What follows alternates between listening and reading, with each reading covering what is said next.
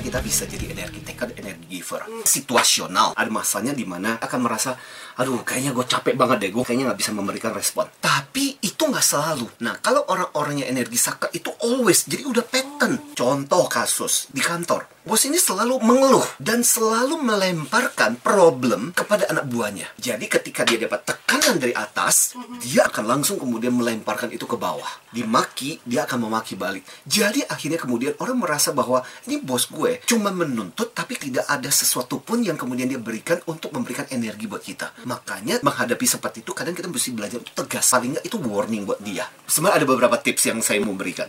Salah satunya adalah mungkin bagus juga pada kesempatan di awal tahun ini ini PR ya bikin dua kolom orang-orang yang selama ini memberikan energi dan menghabiskan energi yang mana? Belajar untuk mengidentifikasi. Dan kedua adalah kita belajar tenang dan jangan terpengaruh. Jangan membiarkan orang ini mendapatkan energi dengan cara seperti itu.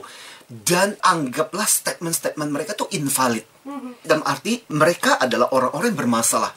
Jadi ketika mereka mengkritik mereka berkeluh kesah, mereka menyerang dirimu, menghina dan sebagainya, kamu udah tahu bahwa ini dari sumber yang tidak bisa dipercaya. Dan yang ketiga adalah belajar mengantisipasi orang-orang seperti itu dalam kehidupan kita. Penting juga kita mapping gitu. Seberapa penting orang ini dalam hidupku.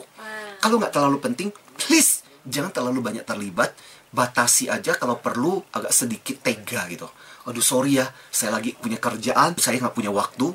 Karena kenapa gini loh, even ketika kamu memberi perhatian dan berusaha untuk menolong pun, buat dia menolong itu sebab bukan sesuatu yang penting, bukan menolongnya. Karena pattern dia berkeluh kesah itulah yang dia butuhkan. Kalau Anda merasa itu terganggu, perlu juga kasih feedback sih.